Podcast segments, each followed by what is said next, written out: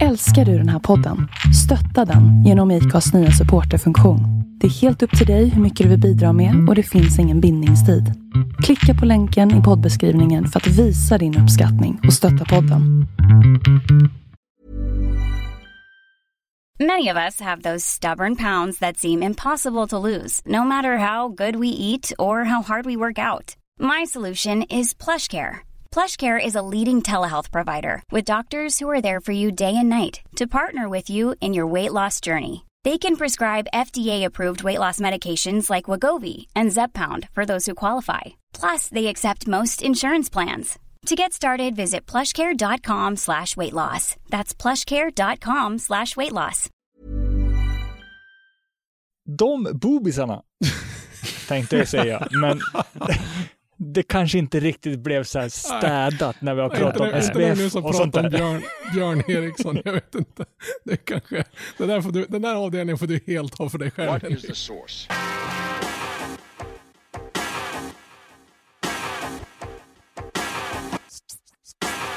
One, two, three, set it!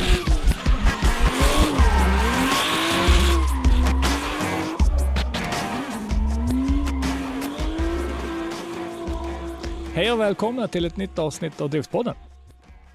Idag har vi ett sånt här fint snackavsnitt med mig, Henrik Andersson. Christer Hägglund. Och Robban Strandberg. Ja, tjena grabbar! Allt bra? Allt är väl, ja. Eh, lite tråkigt att vi sitter så här på varsitt håll nu igen. Vi har ju haft förmånen att få eh, spela in tillsammans de senaste avsnitten faktiskt. Ja, det var ju lite, Ja, lite ovant, så man kommer knappt ihåg hur man ska rigga hemma liksom. Nej, det var lite så faktiskt. Jag har inte kört någon soundcheck heller, så lär vi låta ungefär som man sitter i en sardinburk och pratar. Varmt för Nej, i då, alla fall. Avsnitt, eh, två avsnitt på gatubil och ett avsnitt på Sundsvall Raceway under Cash Grab Drift Days har vi ju gjort nu de senaste här. Precis. Och jag tycker att de blev ju kanon.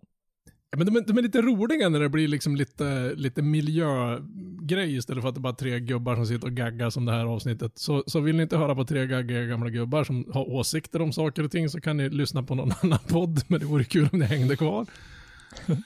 Sen tycker jag det är kul när vi har um, gästprogramledare också, eller vad man ska säga. Jag tycker både Mattias Lago och Joel Steimer gjorde bra jobb i, i de där de gästade så att säga. Så det, det är kul också. Ja, det, det är inte Oh, så ja. svårt att få det jättebra med just de två människorna heller. Det är liksom, jag, Nej, ärligt nej, talat det är- hade jag blivit väldigt förvånad om det inte hade blivit bra med de två. Mm. Ja, de hade förvånansvärt bra poddröster, Ja, oh ja. Mm. faktiskt. Eller ja, förvånansvärt var det inte, men, men alltså, eh, nej, jag, jag blev glatt överraskad. Det Mm. funkade väldigt bra. Och med den bomben ja. Jävlar, jag har suttit och sökt efter sådana här bombljudeffekter men jag har inte hittat något bra. Eh, jag har faktiskt en lite ny catchline på den, men jag vet inte riktigt om vi ska köra den. Men vad tycker ni lyssnare om, om eh, avsnitten vi hade när vi var på gatubil? Och här senast om Cash Grab. Hör av er. Säg vad ni tycker. Mm. Det är kul när ni interagerar. Helt klart. Vi, eh, vi kommer väl att köra vidare lite grann med det här formatet att vi kör lite sådana här avsnitt och sen så kommer vi att ha lite intervjuavsnitt. Tanken är att vi ska spela in ett intervjuavsnitt i övermorgon, men det tror jag vi avslöjar mer om när vi vet att det är gjort. Eh, Och sen kommer vi väl att försöka varva lite, för vi vet ju att intervjuavsnitten är populära bland lyssnarna, så att vi kommer väl att försöka att fortsätta göra sådana med, med intressanta gäster. Ja, det tycker jag. Helt De, klart. de är även väldigt intre, intressanta från, från eh, redigeringssynpunkt, så, så jag tycker också om de avsnitten. Vi har ju hört någon gång så här Robban säga, ja, men tänk alltså det, det är så träligt att sitta och redigera när vi sitter och pratar. Mm. Och så sitter man ju, får ju Robban lyssna på våra röster 2000 gånger. Och vi säger så här, jag har ju aldrig lyssnat på något av de här avsnitten som såna här griniga gamla gubbar-avsnitt. Jag har aldrig liksom laddat ner det poddavsnittet och lyssnat på. Däremot, nej, däremot alla intervjuavsnitt har jag faktiskt lyssnat på. För jag har ju hört de här Mm. avsnitten kanske en fem timmar i rad. Du kan varenda liten variant. där. Ja, jo, det börjar man, man blir lite van efter ett tag. Vad som är trevligt nu, det är ju att det har ju hänt en hel del. Faktiskt, mer än vad det egentligen har hänt under första delen av säsongen. Om vi säger så. Eh, Ska vi dra igång med eh, Cash Grab Drift Days? Ja, lite, fortsätta lite grann där vi lämnade av. Vi gjorde ju det poddavsnittet uppe på Sundsvall Raceway eh, efter kvaldagen, men vi har ju en, en tävlingsdag också som vi kan prata Mm. lite grann om i alla fall. Och det var under kvaldagen vi hade med oss eh, Joel. Mm. Där vi också redde ut vad han egentligen heter. Ja, precis. Vad var det? Var, var det Stoinert eller vad? Mm. Stoinert, Steiner, eh, jag vet inte. Jag funderar på om han är släkt med han som är Formel 1 eh, teamledare för Haas. Vad hette han då? Steiner. Det, det är du som är F1-nörden, det borde ju du kunna. jo, det vet jag väl. Han heter Steiner. Ja, Steiner ja, just ja. Mm. Mm. Ja, nej men eh, jag kan väl börja med att och tvätta av mig min eh, pålagda blygsamhet och säga att, eh, vad var det jag sa? Jag sa att jag tror att någon får svårt att ta det här av Jocke Andersson. Sa jag då på kvalkvällen. Ja, du var ganska säker på det då faktiskt. Ja, det var jag. Och så blev det. Ja, du fick ju rätt. Eh, vi hade Mm. väl alla tre, eller alla fyra, hade ju han med i toppen. Mm. Det var, ju, det om var jag bara jag som, som trodde stenhårt på, på Johan. Men å andra Ja. sidan, ja, om vi säger så här, Jocke fick ju ingenting gratis. Han fick ju faktiskt kämpa för, för Nej. sin seger. Det var ju liksom ingenting som var serverat. Nej, det var inte bara att vandra uppåt. Nej, men precis. Och du eh, pratade ju om det här med lokala förare och vi pratade ju om, om John Martinsson bland annat och vi sa att han kunde ju inte möta Jocke i final eftersom de var på samma sida så skulle de ju mötas redan Mm. i topp åtta. Och alltså, nu svär jag inte, men dra mig på en liten kälke vilken battle det var. Ja men fy fan. Johan och, och, och Jocke gjorde också bra ifrån sig, men den med John Martinsson, det, var, det är sådär driften ska se ut. Jag stod ju för fan och hoppade Ja. vid kameran, det var alldeles jävla till med. Vi fick ju se den två gånger också. Ja, och, och det, det, när man pratade med Martinsson så sa han var ju skitnöjd med det där det ska han ju vara för det där är nog fan en av de bästa Mm. reporna han någonsin har lagt där. Och så är det väl, det blir väl lite lättare att lägga en sån här bra repa när man har en sån bra leadförare som man ska följa också. Mm. Så Jo, de, de bjöd ju liksom in till det. Ja. Alltså det, det, det fladdrade i mina byxor när jag satt där inne i livestream-datorn och höll på. Men, men jag tycker det var, det var ju lite hackigt i topp 16. Det var lite synd. Det var, det var ju några byruns eftersom eh, det var inte riktigt full 16 steg. Men sen så var det ju någon bil som pajade så det var någon extra byrun och sådär. Och, och så var det någon som missade sådär. Så topp 16 battlesen tyckte jag väl var lite sådär. De var inte, men sen från 8 och uppåt, då tyckte jag de var jämnt och bra Mm. faktiskt. Eh, den här stack väl ut som, som vi pratade om nu då med Jocke och John var väl den som stack ut lite grann, men de var bra allihopa. Och topp fyra battles, eller semifinalerna, de var ju riktigt, riktigt bra båda två. Vad var det du sa eh, när vi såg John Martinsson och Jocke Andersson? Mm. Nej, men det, här. Du, du sa det på sånt sätt, det, det var så mysigt att höra. Ja. Jag vet inte, Ja. det bjöd in på något sätt. Man, man hörde ju från alla, det hörde man ju den lilla folkskara som var där också var ju alldeles till sig över, över den battlen. Alltså det var ju, Ja, men det, det finns flera orsaker till det. Dels så tycker jag Jocke är en fantastiskt duktig förare och han körde lead, eh, leadreper som som sagt var tacksamma och, och jaga. Och sen så vet jag att John var han var inte nöjd när vi åkte hem från Mantorp. Han, han, var, han var jättebesviken. Och nu att få komma tillbaka och bjuda upp till det här motståndet mot Jocke. Och han sa ju redan när jag pratade med honom innan också att det skulle vara kul att möta Jocke. Jag hoppas jag går vidare så att jag får möta Jocke i topp 8. Och liksom att få göra det och, och verkligen Ja, bjuda upp. liksom, Ja, och verkligen bjuda upp. Det var fantastiskt roligt att se. Men han, sa ju det också att det, det var väldigt skönt att inte bara visa för andra att han fortfarande är en jäkligt duktig förare, men även för sig själv eftersom Ja, så illa som det gick för honom på, nere på Mantorp och kunna liksom borsta av och visa att det är så här jag, det, det här är jag. Så att säga, visa Mm. det för, inte bara för andra utan också för sig själv. Och man såg på honom att han var, alltså, jag vet inte fan om inte killen som kom på, på sjätte plats var, var gladare än han som kom på första plats. Liksom. Det, Mm. var, ja, det var jävligt kul att se att eh, det, ja, det, han, han förtjänar det där John. Det var, det var så jävla skönt Mm. Ja, men att se. absolut. Men, men som sagt, sen var det ju, det var ju mer bra också. Jag tyckte Fredrik Westring körde riktigt bra. Nu var det ju lite synd då att den One More Timen där i, i eh, Battle om tredje pris inte kunde köras färdigt eftersom han eh, bokstavligen la diffen på asfalten. Ja, den, den, den hade den ju tydligen legat på backen under så de fick lyfta Ja. tillbaka den på trailern när de skulle köra vägen. In, Ja, ingen kan ju säga det- att, han, att han inte gick all in i alla fall. Det var ju synd då. Och så tycker jag det var kul, Erik Reimner. Erik hade aldrig kört en chase-repa i hela sitt liv innan den där tävlingen. Jag trodde de drev med mig när, när de sa det, så jag var nästan tvungen att gå ner och fråga karln om, om, om det här är någon practical joke, för jag menar, det såg ju inte ut som att det där var hans första gånger. Nej. Nej, tok, eller, han körde väldigt bra. Ja, det väldigt är fint. Ja. makalöst. Mycket, mycket bra. Och så sen då Johan som Johan Andersson, Hudik-Johan som körde finalen mot Jocke. Eh, jag får väl erkänna, jag vet inte, jag tror Johan brukar lyssna på det, men jag får nog säga, erkänna det Johan, att jag blev jävligt besviken när du sa att du skulle ta ett uppehållsår ifrån eh, tävlingen.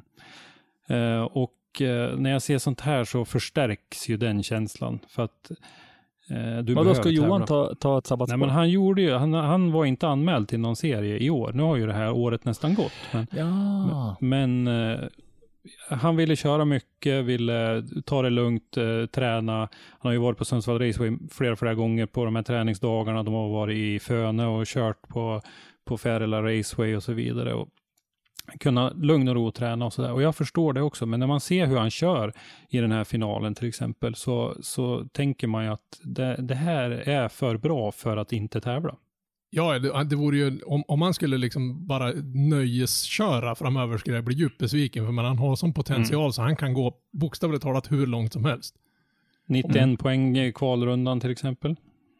Ja, men det är det jag säger. Han, han är så säker Mm. och så på Sundsvall är han tråkig, men, men han, han var inte tråkig den här helgen kan jag säga. Han, han, han, bjöd på Nej, men han, där. äh, alltså han är stabil. Ja, oh ja. Det, det är det. Mm. Han, han, han sätter sina repor, han vet hur han ska hantera bilen. Så det, ja. Men hela han och hans Mm. team verkar vara väldigt, väldigt lugna. Det är ju liksom föräldrar och, och, och, och kompisar. Och de- är ju liksom som filbunkar hela gänget. Det- Det känns ju inte som något gäng man kan gå bort och stressa upp någon nämnvärt eller?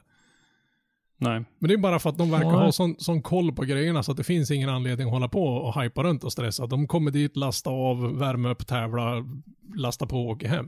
Det är väldigt Mm. lite eh, kaos runt omkring så att säga. Eller så är de jävligt Mm. duktiga på att dölja att det är kaos runt omkring. Mm, nej, men jag tror de är ganska lugna. Sen eh, om vi återvänder lite grann till Jocke då, så, så vi tycker ju att han är en rutinerad förare i toppen, liksom, men han är ju människa han också. Han, det syndes ju på honom. Jag intervjuade ju honom där på, på lördagskvällen eh, lite snabbt eh, när han hade blivit kvaletta och han, han, det syndes ju på honom att han tyckte att det var skönt. Han hade fått en revansch och han sa det ju i intervjun också, 95 poäng, bra kört. Eh, ja, det var skillnaden mot för 52 i Riga. Och eh, naturligtvis skillnad på bana och så vidare, men, men ändå att få komma tillbaka, studsa tillbaka och göra en, en, en sån riktigt fin eh, kvalrepa först då, och så sen även vinna tävlingen. Det är ju, är ju jättekul för Jocke också. Det var ju inga glädjepoäng han fick så att säga. Den, den, den, den Nej, repan nej, nej. var ju värd de poängen, punkt slut. Det var ingen diskussion om det. Jag tycker för övrigt att bedömarna gjorde en ganska solid insats eh, på, på den där tävlingen. Det var ju eh, Ja, det var eh, inga Kim- fantasipoäng liksom på Nej. något sätt tycker jag. Kim Fors eh, var ju som lite huvudansvarig bedömare och så hade han hjälp av eh, eh, Stefan Henriksson och eh, Jim Nordqvist. Och eh, jag, jag tyckte det såg ut att funka riktigt bra. Vi samarbetar ju en del eftersom jag stod uppe i kommentatorsbåset och så att säga. Så att det var, det var ett, ett bra val av, eh, av bedömare av Sundsvall där tycker jag. Men de är ju ganska rutinerade. Det är liksom inte första gången de är Mm. på en tävling och de har väl hängt med så länge så de har hunnit snappa upp även hur bedömarbiten. Nej, men he, he, hela, hela tävlingen flöt ju alltså. Ja, vi hade ju saneringen, men det kunde vi ju liksom inte. Ja, det, är sånt som händer, det är sånt som händer. Det var lite synd, men eh, det är sånt Men som händer. när vi sagt. väl var i, i tävlingsmodet så flöt det på. Ja, vi kan väl passa på också tycker jag att ge lite beröm till eh, främst då Göran Svensson, ordförande i SHR Sundsvall och till Hans Eriksson som, som var två av dem som jobbade väldigt hårt eh, med att eh, få till tävlingen dels, eh, få till banan, Mm. men sen som är väldigt duktiga att eh, tillmötesgå våra önskemål och krav när det gäller eh, livestreamen. Ja, för vi kommer ju med ganska mycket krav. Ja. Vi trodde vi skulle stå på några containrar, några små containrar, sådana här 3 gånger 3 meter eller 2 gånger 2 meter och trängas med varandra. Och så har de byggt upp världens här containertorn, för de ska ju bygga en ny anläggning i anslutning till driftingbanan där då. Så att det blir som ett stort mötesrum i botten och så ska det vara tre våningar till. Men då hade de ju byggt en, en temporär lösning, så vi hade åtminstone två våningar upp där både bedömarna Mm. och, och tävlingsledningen och Christer kunde stå. Plus att eh, Henke satt längst ner på bottenvåningen där i sin lilla kur och hade sändningsgrejerna där. Ja, det var alldeles utmärkta Ja, förhållanden det funkar för oss tycker jag. Ja. Ja, det är som vanligt. Mm. Ska vi dra resultaten då? Kanske? Ja, det skulle vi väl kunna göra faktiskt. Eh, Etta blev ju då Jocke Andersson, tvåa Johan Andersson, trea Erik Reimner som alltså hade tävlingspremiär. Mm. Eh, fyra Fredrik Westring, femma Johan Östberg, sexa John Martinsson, sjua Albert Eriksson, åtta Johannes Rydberg, nia Teddy Klang, tia Joakim Söderlund, elva Johan Renman. Och tolva Hampus Gisslén. Mm. Eh, bra körning eh, av dem allihop tycker jag. Tyvärr gjorde några av förarna inte sina bästa reper när det behövdes. Eh, Det var ju ganska många som la riktigt trevliga vänder på, på träningen på morgonen Ja, innan och så vidare. Och så, och så tyvärr Mm. då så var det, jag vet inte vad orsaken var, men så kunde de inte leverera den nivån så att säga under själv. Det är klart, det är mycket nerver och sånt. Jag menar, det har man ju själv erfarenhet av och när man väl står där så. Mm. Det var nerver. Sen var det väl någon som hade problem med, motorstyrningen, någon hade problem med Mm. bilen. Ja, Jo, det var lite... Var det inte någon som stod och brann i depån en sväng där också, in, som inte ens kom till, till start? Jo, precis. Kim Pönninen tyvärr då drabbades ju av någon form av eldsvåda. att- Riktigt, riktigt surt faktiskt. Men jag måste säga att det var ganska, ganska bra jobbat av de förarna som, för menar, det var ju ganska kort varsel. Jag menar, från att, att Göran kom på den här idén tills att vi stod där uppe och drog igång livestreamen så hade det väl gått typ drygt fyra veckor. Och det, Mm. det, det är ganska starkt med ganska, det vart ju inte den marknadsföringsrush som vi hade tänkt oss och så vidare, men men att det kom så pass många förare och som sagt var, jag, jag, tänkte bara när jag scrollade igenom eh, listan där några dagar innan först, vad coolt, en kille som typ kommer från Bräcke och kör någon enhjulsburnande 740 som heter precis som den där killen som åkte DMEC. Jag, på något sätt så kopplar det inte att det, det kanske är den nivån på förare vi får upp hit också. Men det var ju jävligt, jävligt skönt att ha fel där kan jag säga. Ja, eh, och Jocke Andersson då, han tog ju hem 10 000 kronor i eh, första pris. Eh, Ja. Johan Andersson 5 000 kronor i andra pris och Erik Reimner 3 000 kronor i tredje pris. Och då efter tävlingen så kom både Johan Andersson och Erik Reimner är ju SHR och Sundsvall-förare då, som var ju hemmaförare. Och efter tävlingen så kom Göran Svensson och sa att det är nästan så det tåras i ögonen för både Johan och Erik sa att eh, klubben eh, får tillbaka pengarna. De ja har, det är schysst. Ja. Ja, de har gjort så mycket. Klubben har gjort så mycket för oss att eh, vi låter pengarna gå tillbaka till, till den egna föreningen igen. Och det är ju, det är ju fint gjort av grabbarna. Men man såg det på Göran också när han berättade att det var inte bara, bara vad han sa, utan han såg verkligen rörd av det. Och man blir Ja, liksom, det, det, det värmer ju inombords när, när förarna, när killarna gör så här. Det är liksom, ja det, det är Mm. storsint som bara den måste jag säga. Mm. Ja, men det visar också att, att man, att man inte, inte bara att man är nöjd med klubben, men det visar också att man, man uppskattar allt klubben gör. Mm. Vi hade ju även en superslide-tävling. Ja, men och superslide-tävlingen var ju att du fick bara en enda chans. Du behövde inte hålla dig till några zoner, men du skulle Mm. imponera på domarna. Domarna nu, Precis. det var inte de som dömde cash grab-driften. Nej, precis. Utan nu hade de ju tagit tre ungdomar ifrån klubben istället. Och det, det tyckte jag var lite kul också. Mattias Åström, Moa Bergström och Kenny Grundström. Mm. Eh, därför att, att bli bedömare, det är ju också en, en möjlig väg framåt för den som vill engagera sig i, i drifting. Och då är det ju kul att man överlåter en sån här grej då som är lite friare. Här är det ju egentligen bara spätta fullt och, och, imponera så mycket som möjligt. Det, är- det är mindre teknikaliteter att bry sig om liksom. Så att då låt, låter man tre ungdomar få kliva fram och, och bedöma den här tävlingen. Så det tyckte jag var helt rätt gjort. Och Ja, det- jag får ja. nog säga att jag höll med. Jag stod och lyssnade lite grann på deras diskussioner och så här. Och jag höll med om det de diskuterade i. Så att det var, jag tyckte inte att det blev något, något fel på grund av deras orutin så att säga. Ja, men det är också en väldigt bra grej att börja med. Så att man Mm, inte hoppar in, in. i någon vass, ja, så att man inte hoppar in i någon vass tävling och håller på. Mm. Eh, Då kan det bli mycket fel kanske. Mm. För Mm, bedömare och behövs det. Det är inte många Ja, bedömare som absolut. finns i Sverige.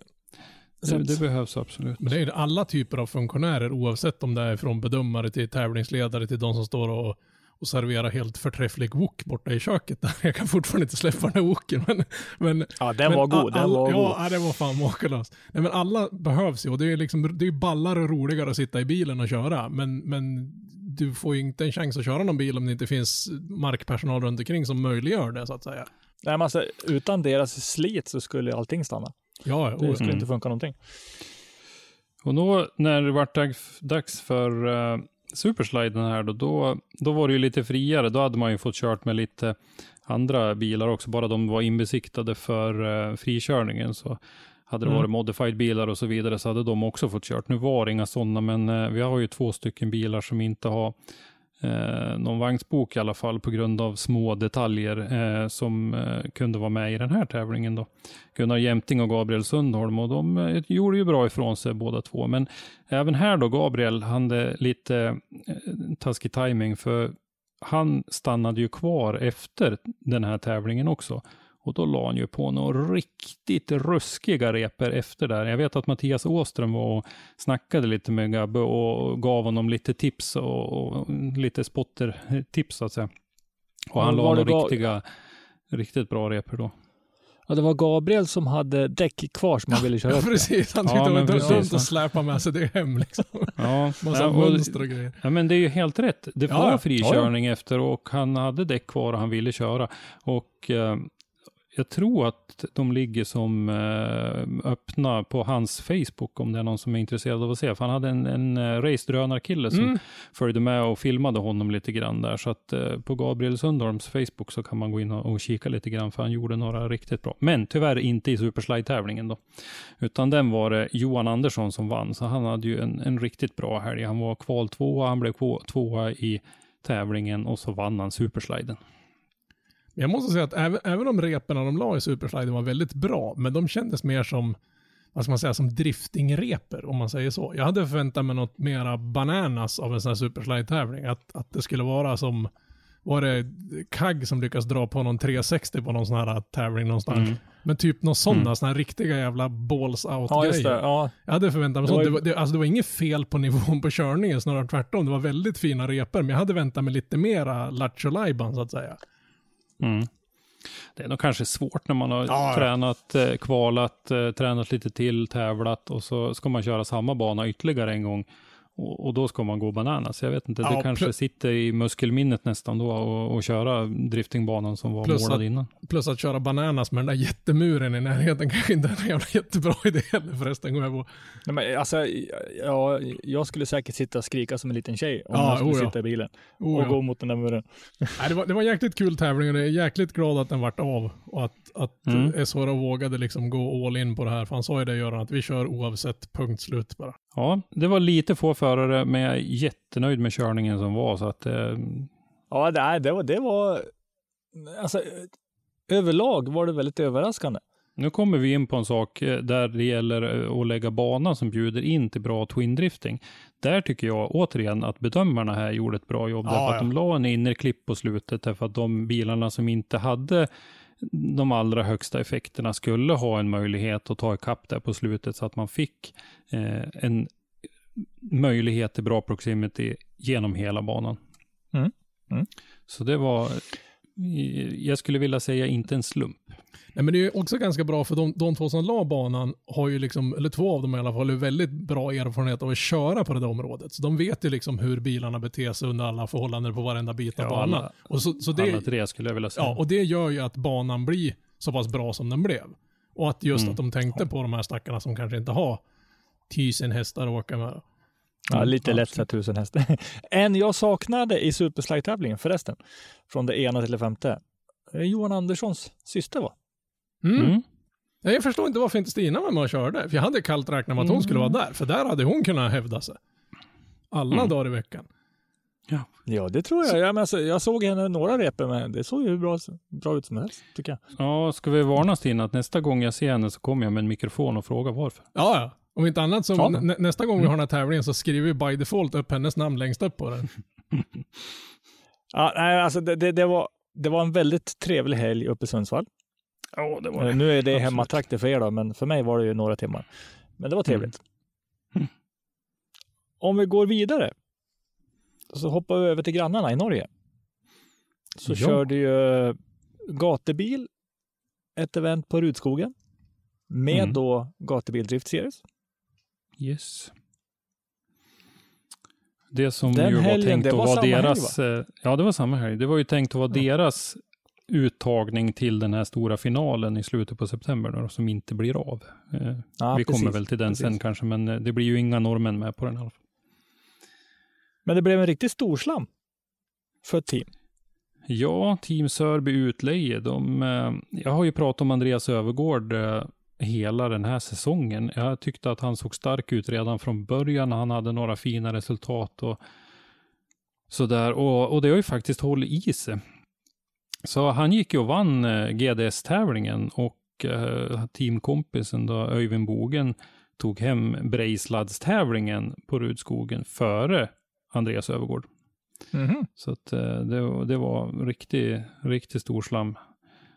Ja, de har ju Eh, två riktigt fräcka bilar som också Ja. verkar vara väldigt bra byggda. Ja, då, och, och det är en, en snygg helhet över deras team. Eh, Mm. De hade den här Symmetra eh, liveryn på dem för ett par år sedan. Riktigt snyggt med mycket blått och så där. Sen bytte de till den här gul-svart-vita de har nu Eh, med Team Sörby utleje. Och det, det är riktigt snyggt rakt igenom. Det syns att det är lite business-tänk eh, hela vägen här. Och, och eh, ja, som sagt, det, det, och, och så följer de upp nu med, med riktigt fin körning och, och får framgångarna också. För att de var ju framme i, i topp fyra i eh, sista deltävlingen i norska mästerskapet också. Och då skulle de ju ha fått mött varandra, men då pajade ju den ena bilen. Eh, nu kommer jag inte ihåg vilken det var, men eh, så att eh, det blev ingen battle om tredje priset i alla fall.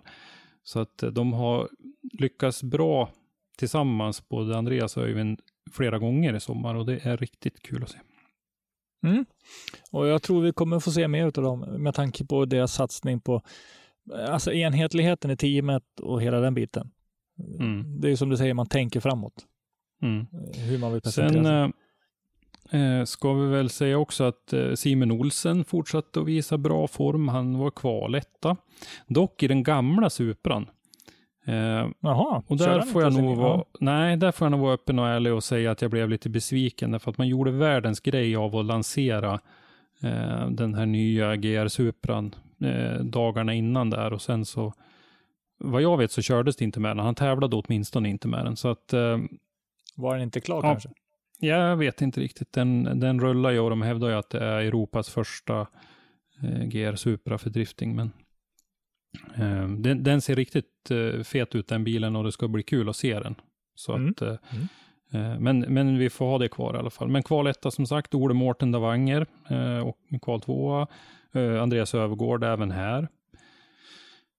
Så att det var flera av de här som jag tycker har klivit fram ordentligt. Simon Olsen är ju en av de som har klivit fram ganska rejält eh, på slutet här och har ju visat framfötterna flera gånger och även här då. En annan person som, som, som vi har träffat några gånger, det gjorde ju sin tävlingsdebut. Eh, Mm. Och det är ju Fredrik Asbøs eh, flickvän, eller fästmö ska jag säga nu. Mm. Hunter Taylor. Precis. Hon kvalade in. Hon kvalade in, ja. Eh, båda tjejerna åkte väl ut i topp 16. Eh, tror jag. Det var Ja, ju hon mm. och... Eh, nu ska vi se, nu ska vi testa minnet här. Eh, Jag vet inte, det är Moen. Irene, Irene Moen. Moen, ja. Mm, precis. Väldigt duktiga Eh, tjejer, ska jag säga. Ja, absolut. Det är de. Irene blev 13 och Hunter blev 14. Sen hade vi tre stycken jun- juniorer med också. Henrik Höjmyr, Robin Skedsmo och Ludvig Wonka. Och Ja, eh, just det. Ludvig, ja, Ludvig hade ju en liten, eh, jag fick ett mejl av, av eh, deras teamchef och pappa. Han hade haft en, en ganska tuff helg, Ludvig, för att hans bror Max skulle ju hjälpa till då och provköra bilen och då, då gick det ju som det gör ibland. Han körde sönder bilen. Eh, och eh, Ludvig hade ju sett fram emot det här naturligtvis som junior och få komma och kliva fram och vara med i GDS. Och då gjorde ju Max det enda raka och överlät sin bil på, på Ludvig istället. Eh, att han skulle få vara med och tävla. Eh, och Ja, det är det är ju gentilt naturligtvis, men det var ju ändå en bil som Ludvig inte var van vid. Så att eh, han, eh, han hade väl, eh, jag vet ärligt talat inte om han fick sitta i den och rulla ens, utan eh, det var tävling direkt eller hur det var. Men, men i alla fall så, det men var en bil han inte var van. Och det är aldrig lätt att sätta sig i en bil. Inte ens om du bygger en ny bil och sätter dig. Alltså, du Nej. måste ju köra in dig. Ja, men precis. Så att eh, det gick väl inte riktigt eh, bra. Han kom på en femtonde plats då och det var väl inte riktigt vad han hade hoppats på. Men, men eh, Henrik Höjmyr sjunde och Robin Skedsmo åttonde. Det är ju Det är bra. ruggigt bra för att vara juniorer för att det var ju liksom eh, ett antal ganska mm, rutinerade förare, Joakim Eidsmo Sand och, och eh, Öyvind Bogen som vi nämnde nyss och så där som var efter i, i resultatlistan, de här unga killarna. Vi hade ju med våran eh, DMEC-förare. Nej, Tänker du på Tor Arne Kvia då? nej, det Mm. var ju, var ju Tor Arne Ringnes. jag, jag, jag, blandar ihop Ja, dem Tor, där Tor Anders Ringnes. Ja, men precis. Han, eh, han lyckades ju bra här. I, han vart ju tvåa efter, Mm. efter eh, Övergård och Simon Olsen trea och Stian Björgängen fyra. Eh, Ole Mårten Davanger blev femma och vi kommer återkomma till honom lite längre fram i det här programmet. Men eh, det var ju lite haveri där som eh, ställde till det och så vidare. Så. Men eh, Mm. det, var, det, det, det verkar ha varit en bra eh, GDS-tävling. Tyvärr ingen livestream som jag kunde se. Så att, Nej, det var Mm. lite synd faktiskt. Mm. Eh, en annan som jag skulle vilja ha sett, det var Stian Liljeskogs Ford Granada Mm. med Toyota-motor.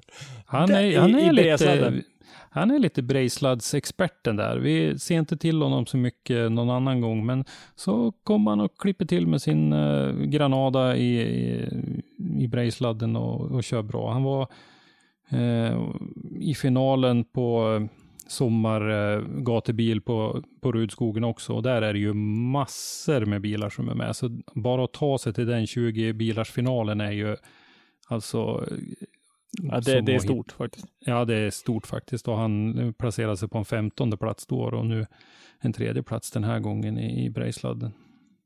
Och till och med i Norge så kör de med Volvos. Vi har en, två, tre Volvos i topp 21 i Brejsladden. Mm. Det stod topp 20. stålbitar säger man. Ja, jag, jag läste ju på Gatubils hemsida för att få lite reportage här. Eh, Kudos till eh, Gatubil för den hemsidan. Den har fått en ord- ordentlig uppryckning.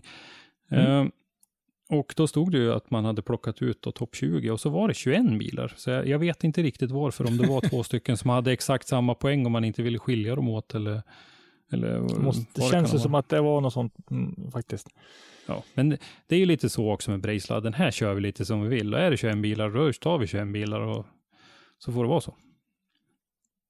Men det ska inte vara så Ja, det- skitnödigt så att säga. Det, för det är liksom Nej. mer en, mer en underhållningsgrej och det är liksom lika kul för förarna som för de som står på sidan om och tittar på. Mm. Och det är lite grann det som är andemeningen med Brejsladden. Och det är därför det är till det. exempel då, som när, när- Kag gjorde 360, Mm. som enligt driftingregler inte skulle ge poäng. Mm. Nej, det är ju nolla. Men, men i Brejsladden så, så premieras ju en sån grej. Mm. Då var det full pott, 100 poäng.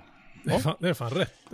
Ja, ja, ja, ja och för han, han lyckas ju få, få den riktigt bra. Så, så det, Tor Anders Ringnäs eh, var ju bra med även i, eh, i eh, den här. Stod Toyota Supra i, i resultatlistan ser jag nu. Det har jag inte reflekterat över. Han har väl kört GT86 ganska länge. Men ja. nevermind. Och så Joakim Eidsmo Sand nämnde vi förut. Eh, han eh, lyckades eh, bra i, i Brejsladden. Robin Skedsmo. Marius Bäckevold är det många som vet vem det är. Han har en röd Merca V123 eh, kombi med diesel.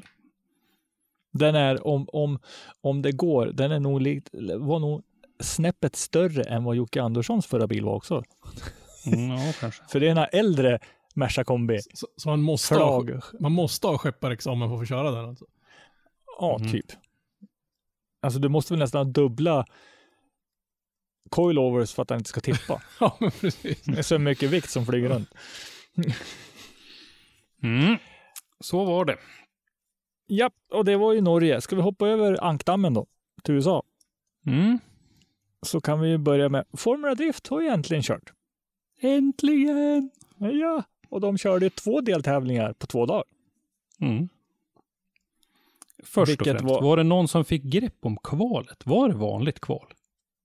Nej, eh, jag fick inte grepp om det, men nej, det var inte ett vanligt kval. Vad gjorde De- de? Lottade de? Eller? Ja, Det kände, De- ja, men visst måste de- de ha gjort det, för det var mycket så här kvaletta och så bara, äh, what? vad, vad gör du Ja, där uppe i Men listan? Matt, Matt Field var kvaletta Ja. ena dagen och, Ja, och, och Rad Dan andra Ja, dagen. det var liksom... Det, det de gjorde, jag jag fick en liten förklaring för mig när jag tittade, det var att först rankar de förarna på, på något sätt jag inte kommer ihåg nu. Eh, och sen från den rankingen så drog förarna sin startplats. ja, det verkar ju att- logiskt. Uh, Ja, det, det var helt knasigt och de förklarade. Jag, jag, jag, helt ärligt, jag förstod mindre efter förklaringen. Mm. Har inte någon av de här killarna som sitter och vrålar i den här livesändningen bara kunnat stoppa ner alla namn i en hatt och dra upp dem och så bara, ah, det här är startordningen, grattis. Mm. Det kändes ju mindre komplicerat. Jag vill rätta mig själv också. Det var Kazuya Taguchi som var kvaletta. Det var inte Matt Field första dagen, men Red Dan var eh, i andra, andra deltävlingen i alla fall. Men eh, det kändes lite, lite märkligt. Vad tycker ni om Men banan? annars så... Ja, sådär eh, tycker det var, jag. det var ju fan tycker- riktigt jävla kass. Jag tyckte, Ja. jag tyckte den bokstavligt talat sög om man ska. Jag tror alla har sett en sån crappy jävla bana. Mm. Nej, slutet var- när de åker upp på någon, på någon Ja, bank men där, det, det, var, liksom. det var liksom inte en meter på den här banan som var okej. Nej, nej jag- men då, vissa banor blir, tycker jag, nej jag vet inte varför de tar dem. Ja, men det kändes nästan som Mm. någon har ansträngt sig för att göra den så pass tråkig och nästan... Det såg ju inte ut att vara något flöde i den hur man än bärdes åt. Nej, det var inget vidare. Det var i alla fall var det ju 29 förare som var på plats, så det var ju inte en full stege. Eh, lite byruns då i topp 32an. Topp 32an Och ingen tittade jag James inte så Dean mycket och till. ingen- Mm, Eh, Ingen Nej. James Dean och ingen Piotr Wiesek. Nej. Det var väl- Saknade vi dem. Det var väl rätt många som hade trillat bort då? Det var väl en fyra, fem pers som Ja. var strukna? Mm. Mm. Jo, det absolut var det det. Sen har det ju kommit till en del nya underifrån och sådär också. Men, men eh, det, de tappade ju några på slutet här. och Piotr och James var ju två av dem och sen var det ju en till också som jag tog reda på häromdagen som jag inte kommer ihåg nu namnet på. Men, så det var ju lite synd. Men eh, annars så tycker jag att första deltävlingen gick ju ganska bra och eh, den var ju spännande och så, så slutade det ju med, med norsk vinst. Åsbö tog ju hem det där i sin nya Supra. Eh, jättekul faktiskt. Mm. Och de, de sa, han sa ju det i, jag, jag kollade på introt. Då intervjuade de Fredrik. Och då sa Mm. jag att de håller fortfarande på med inställningar på bilen. Så Mm. den var alltså inte, den var ju race ready, men nej, den kunde optimeras bättre. Mm. Ja, och jag tror de kom en bit på väg under, under den här helgen också, därför att han imponerade inte på mig när jag såg de först, det första åket i eh, Nej. 32an kanske det var. Då. Eh, Men sen ju längre han kom, desto bättre blev det tyckte jag. Och då fick han ju dessutom köra final då mot Ryan Turk. Teamkompisen eh, Papadakis Toyota-teamet som kör Fredriks fjolårsbil. Mm. Eh, som ju är jättekul också för Ryan. Det, där pratar de lite grann om i livestreamen och det var lite intressant. För att det kommer ju på en, man kan ju se det som en möjlighet att han var ju runner-up eh, Åsbö till James Dean förra året och pressade ju honom riktigt ordentligt så han var ju Mm. nära att bli mästare med den där bilen och, och för då en förare som Ryan Turk att få chansen att köra en sån bil så kan man ju se mest som en möjlighet men, men samtidigt också så är det ju en press därför att bevisligen är det ju så att den där bilen räckte ju till att nästan bli mästare förra året. Du kan inte skylla Så på du- utrustningen. Du kan inte skylla på Nej. utrustningen. att den inte är väl utprövad. Det är klart, den, den kan ju vara så att de har en liten annan körstil så att den inte exakt passar upptad för, för han så att det bara liksom swappar bil Mm. så här. Men, men grundkonceptet är ju verkligen inget fel på. Nej. Men har Ryan samma motor också? Nej, han har väl en Nej. annan motor i den va? Mot för vad Fredrik hade. Ja, är det inte så? Eller, Ja. Jag för mig han har det. Eller, jag- eller är, är bil, bilen i sin he, en, enhet så som när Fredrik körde den? Eller så Ryan trodde jag, men, men jag har egentligen inga belägg för det. Jag trodde nog det var den där lilla four- fourbangern. Ja, ja, men då, det där måste vi forska mer i, men för det där är intressant. Men eh, eh, det är ju kul tycker jag att se ändå floran av, eh, av bilar i, i eh, Formula Drift. För att då kan ju den där lilla Toyota Corollan då stå på startlinjen bredvid de med RTR Mustangerna. Och I år hade det ju blivit ännu fler Mustanger faktiskt. Ja, alltså, jag, jag älskar ju Ford, det har väl inte liksom undgått någon människa, men alltså det, det är nog med Fordar i Formula Drift. Alltså, nu, nu får det fan vara nog. Det var ballt när det var Mm. två. Alltså det är helt okej om det dyker upp någon Japs där en gång ibland också faktiskt. Och sen Mm. började det poppa upp lite Eurofighters där borta, det tyckte jag var lite roligt. Ja, men precis. Det gjorde det ju faktiskt. Det var ju en av debutanterna som eh, dök upp i en Eurofighter. Eh, så det är ju kul att se. Kul för, eh, för eh, Kristaps Bluss och HGK att få ha bilar där borta, även fast de inte är där borta och kör själv nu. De kör ju eh, RDS då, ryska serien nu istället. Det är ju en jäkla, det var en jäkla blandning. Det var ju någon, jag kommer inte ihåg vad han heter, men han åker runt i någon, någon röd liten Japs med en jättestor V8 i dessutom. som har slängt på en drickaback på huven på honom. Det är bland det fulaste jag har sett på driftingvärlden. Och så, och så, dyk, så dyker det Ja. upp någon, någon stackars kille som kör en Cadillac också. Cowboyhatt och Cadillac liksom. Kan det bli mer redneck i driftningen i USA? Fast han, hans redneck-aura dog lite grann Ja. han stod och grät i direktsändning för att Ja, han hade gått vidare från men, topp 32. men ändå, han, det, det, är inte, det är inte första gången han kör och nu har han, det har liksom Nej. inte gått något vidare för honom. Jag, jag förstår han ju. Ja, ja, absolut. Men jag fattar ju fortfarande Ja. inte varför man väljer en, en, en CTSV och köra drifting med. Det känns ju inte som. Å andra sidan Mustanger med stel bakaxel eller, eller Corvetter med Volvo 340 bladfjädrar bak känns ju inte heller som någon superoptad lösning. Nej. Anledningen till att jag är lite tyst nu, kära lyssnare, är att jag håller på och letar efter Ryan Turks spis i hans bil. Mm. Ja, men gör det, Och det så är- fortsätter vi att göra en podd här. Vi. Ja, Eh, precis. vi, eh, om, du, om du kollar buskaget utanför, jag tror den ligger där. Ja, eh, resultatlistan blev ju i alla fall att Fredrik Åsberg vann, Ryan Turk tvåa och eh, Odi Bakcis eh, blev ju trea. Och Odi han börjar ju även den här säsongen starkt, eh, vilket han gjorde även förra året. Men då, då tappade han ju av lite grann sen, annars så vann han inte han de två första. Ja, han var väl, och- väldigt stark i, i inledningen och Ja, sen så det. han av bara rakt av. Mm. Det, men det eh, liksom, jag tycker... Ja. Ja, nej, men vi, jag tycker vi kan väl hoppa direkt in i deltävling två, för den, den eh, finns ju också en del att säga om. Dels så kan jag tycka att eh, det var jättetråkigt. Jag håller med dig Robban om att det var en tråkig bana. Men spiken i kistan kom ju när de körde den där tråkiga banan två dagar i rad. Ja. ja, jag tog för något sätt Ja. givet att de skulle kanske ha... Det är, det är inte så att det, det är liksom brist på utrymme där de körde eller? Nej, det är inte nej, det. de hade ju kunnat gjort 15 olika banor. Ja, Eh, exakt. Vi, vi pratade ju lite grann med, med Max eh, Lundgren på Mantorp Park när vi var där förra gången när vi körde den här nya, eh, nya hållet i Mjölbydelen då där vi har varit. Och han sa att vi skulle kunna plocka ihop kanske sex eller sju olika bansträckningar att köra här på Mantorp Park. Och så är man på ett sånt, en sån där jätteanläggning i St. Louis och så kör man exakt samma bana två dagar i rad. What is up with that? Ja, mindre jobb. Ja, alltså, mindre de, hade jobb. åtminstone, de hade åtminstone kunnat ändrat håll. Gör kan man ju tycka någonting för att eh, Ja. röra om lite grann liksom. Eh, men eh, den stora grejen i deltävling två, det tyckte ju jag var topp 16 batten mellan Åsbö och eh, Matt Field, apropå Volvo 360 och ha växellådan i bakaxeln.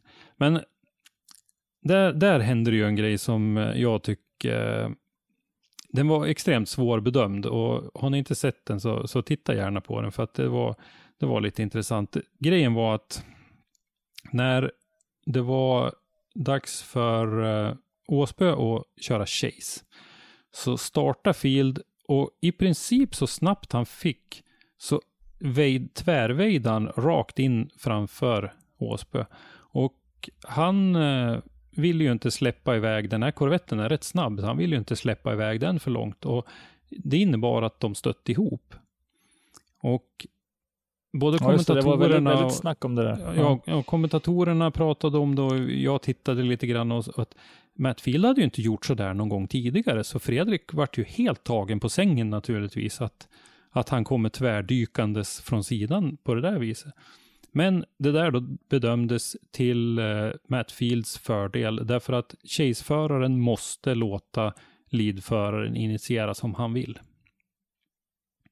Men där kan man också, kan man också diskutera det där med att eh, de här killarna är ju vana att köra med varandra. De vet ju ungefär Mm. hur varandra brukar ligga. Och om man då ändrar sin stil så Mm. markant som han gjorde faktiskt. Ja. Det måste finnas ett regelverk som säger nej, nej, nej. Men är, är det där någonting Kan- man gör kan jag varen, tycka. varenda gång, då har man ju liksom en liten heads-up på att den här kör som man har Mm. snott den här bilen i början och så bara nähä. Mm. Ja, för det, Mm. det, det, det är det de tränar in sig på. att Okej, okay, Matt Field börjar sin initiering här. Ja, och det är ju det Och det- spottern har till uppgift naturligtvis. I, på, på den här nivån är ju spottern en, en jättestor del av, Ja, ja. av ens prestation. Och, och han vet ju precis, Fredrik vet ju precis hur Matt Field brukar, brukar börja och, och initiera och sådär. Och så händer en sån här grej och så åker han dit på det. Han, han, eh, han kanske hade vunnit ändå. Men han, han, han låg ju dessutom i ett rejält underläge därför att han hade ju stött i muren lite grann och, och inte lyckats jättebra i sin chase, Matt Field då. För det här var ju i, i andra åket i den här batten. Så han hade alltså eh, en, eh, ett minus. Ja, det kändes som att han hade Ja. ett minus. Jag tyck, man bedömer ju alltid lead mot lead och chase mot chase, men jag tyckte inte att det var en, en superbra chase. Och när man vet hur Fredrik brukar köra chase, så, så kände jag att det vägde över lite grann till, till Fredriks fördel Ja. efter första. Ja, för Fredrik antar jag inte är den lättaste att möta i en chase. Nej, Inte en lead ju, heller. nej. nej, men han är ju grym i, i, i chase, absolut. Så att, ja, det var, den där grejen var, tycker jag, svårbedömd. Och jag ska inte säga att de bedömde den fel, men jag, jag förstår Fredrik och jag förstår inte hur han inte kunde skrika rakt ut i direktsändningen efteråt. Men han är ju Ja, en de är samlad väldigt- människa. Ja, de är väldigt professionella om man säger så. Mm, ja, men absolut. Men det var väl många sådana här under hela, både första och andra deltävlingen. Men det ett av mina favoritintressen när man sitter och kollar på Formula Drift är att följa chattflödet på, på YouTube eller Facebook. Det är liksom, där, där sitter liksom den st Mm. största skaran samlade experter i hela världen. Men, men en del av dem brann ju av och det var ju mycket sådana här, jag kommer inte ihåg vilken förare var som hade en dörr som gick upp lite grann Mm. under någon, under, någon- under någon lidrepa. Där letar de länge och hittar någonting och, att ta och, på. Det, det börjar precis som att det känns nästan, ibland börjar man undra om det inte det här är riggat. Alltså. Mm. Det är klart, dörrar och sånt ska vara stängd och det, det är en, det, det är en DNF om, om någon lucka går upp så att säga. Men den, den var ju aldrig liksom så att den störde chaseföraren eller någonting, för han såg aldrig att den gick upp, för den var ju liksom på andra sidan en Mm. bil. Och den var ju öppen bara någon sekund så, så lyckades han ju stänga igen den. Men det var mycket sådana här eh, saker man satt hemma och undrade, men hur, hur tänkte ni där? Och folk som, saker som borde vara en one more time, det var liksom egentligen ett ganska solklart fall. Och så bara, nej, nej, men då tar det en sekund och så bara, det är han som ska gå vidare, den här rocken ska inte komma vidare. Och så, det luktar riggat många gånger tycker jag det känns som. Det var ju väldiga, väldiga diskussioner på Instagram förra året. Ja, Vet, vet, men när det- det- det Ryan det är Lantain fick Med all rätt. ja. ja. En av grejerna som diskuterades förra året var ju bland annat James Deans chase-stil när han hade så otroligt lite vinkel och for och åkte med, med framhjulen emot eh, leadbilen men, eh, men i, inte alls med samma vinkel. Och gick vidare. Mm. Så att eh, Det, det kändes, det- ja, det, kändes kände- som att det, det känns som att olika... det liksom, vissa, vissa har lite grann i sin vågskål redan innan. Och vi- vissa människor, där, där är det okej att bromsa efter den här äh, dieselzonerna. Så att säga. det är okej att ha liksom hjulen Mm. låst 20 meter efteråt, men andra får nästan inte ens ha hjulen låst i dieselzonerna. Det är liksom, de, de, de är inte konsekvent överhuvudtaget. Mm. Det, det finns ett favorit Instagram-konto som ni säkert följer som heter Formula Derp som är jävligt roligt att gå in och kolla på. Där, där sågar de rätt många, hela organisationen och en del förare ganska hyfsat med fotknölarna. Ja, de, de, de, de ligger inte på latsidan när de sågar, Nej, om jag säger så. Vem vann då? Ja. Dag två? Ja, dag två så blev det ju faktiskt eh, Chelsea Denofa som tog hem det där med en av de här. RTR-mustangerna. Då. Och eh, sen så var Odi Bakshis tvåa och Ryan Turk trea. Så pallen i övrigt då var ju, ja de kastade ju om ordningen på dem och Odi var ju trea i första dagen och Ryan tvåa. Så att eh, det var i stort sett eh, samma folk som var uppe och det då ger ju den sammanlagda tabellen att eh, Ode Bakshis är eh, etta med 164 poäng. Ryan Turk tvåa, också 164. Jag vet inte riktigt vad de skiljer dem där på. Det måste ju vara senaste resultatet som väger högst. Då. Mm. Eh, Chelsea Denofa 132, Åsbö 132 också då som fyra. Matt Field 96, de är ett gäng på 96 där. Uh, mm, Justin Pavlak, Dylan Hughes, Chris Forsberg, Michael Essa och Dan Burkett. Uh, Topp 10 då. Sen uh, i, i listan här som jag förberedde så tog jag fram Adam LC också. Han eh, på 25 plats nu. Han gjorde ju premiär i pro-klassen nu och han är ju en person som väldigt många vet vem det är och väldigt, väldigt känd youtuber och, och social medieprofil så att säga som har klivit upp nu. Jag såg honom och tyckte väl att han gjorde hyfsat ifrån sig i, eh, i den battlen jag såg. Eh, finns, finns att förbättra, men det är nog en, en ganska stor skillnad att kliva upp från, eh, från Pro 2 till Pro också. Ja, jag, jag- jag kikade lite på Pro 2 tävlingen som var dagarna innan här. Det, det såg ut som en random frikörning tyckte jag. Det var liksom en, en enorm skillnad på, på nivån på förarna där. Men det är Mm. alltså väldigt, väldigt stor nivåskillnad mellan Pro 2 och Pro. Det är nog en ganska hyfsad budgetskillnad där också. Ja, ja, ja. ja, ja. Om man säger så här, jag, jag tror att det är mindre skillnad mellan RM och SM i Sverige. Ja, Ja. Ja, men helt klart. Här kör de ju färre deltävlingar för att få en större skillnad också. Eh, Det var ju bara en deltävling nu för Pro 2, men det var ju två för Pro. Eh, Ryan Turk förresten kör samma spis. Två AR-motor. Fyrcylindrig. Fy- Fyrpeter alltså. Mm.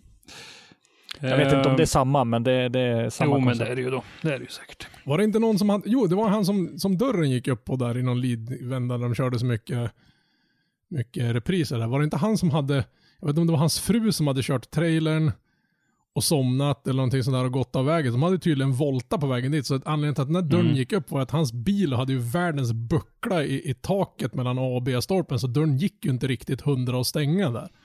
Han berättade ju lite grann om det där i livestreamen, att eh, det, nästan det värsta med det var ju att frun hade ju så otroligt dåligt samvete, att de hade ju kämpat och jobbat för att ta sig till det här och med budget och allting och kunna ta sig till och så mm, coronaår och allting och inte veta om det skulle bli någonting och så när det äntligen blev av så somnade hon och körde dike och, och men de kom ju dit och de var med. Sen Ja, gick det väl kanske, det var ju synd att det var en sån där skitsak som som, eh, jag tror han hade åkt ut kanske i alla fall, men att det hade blivit en one more time eller någonting. Men i alla fall så, så skönt att de kunde ställa upp.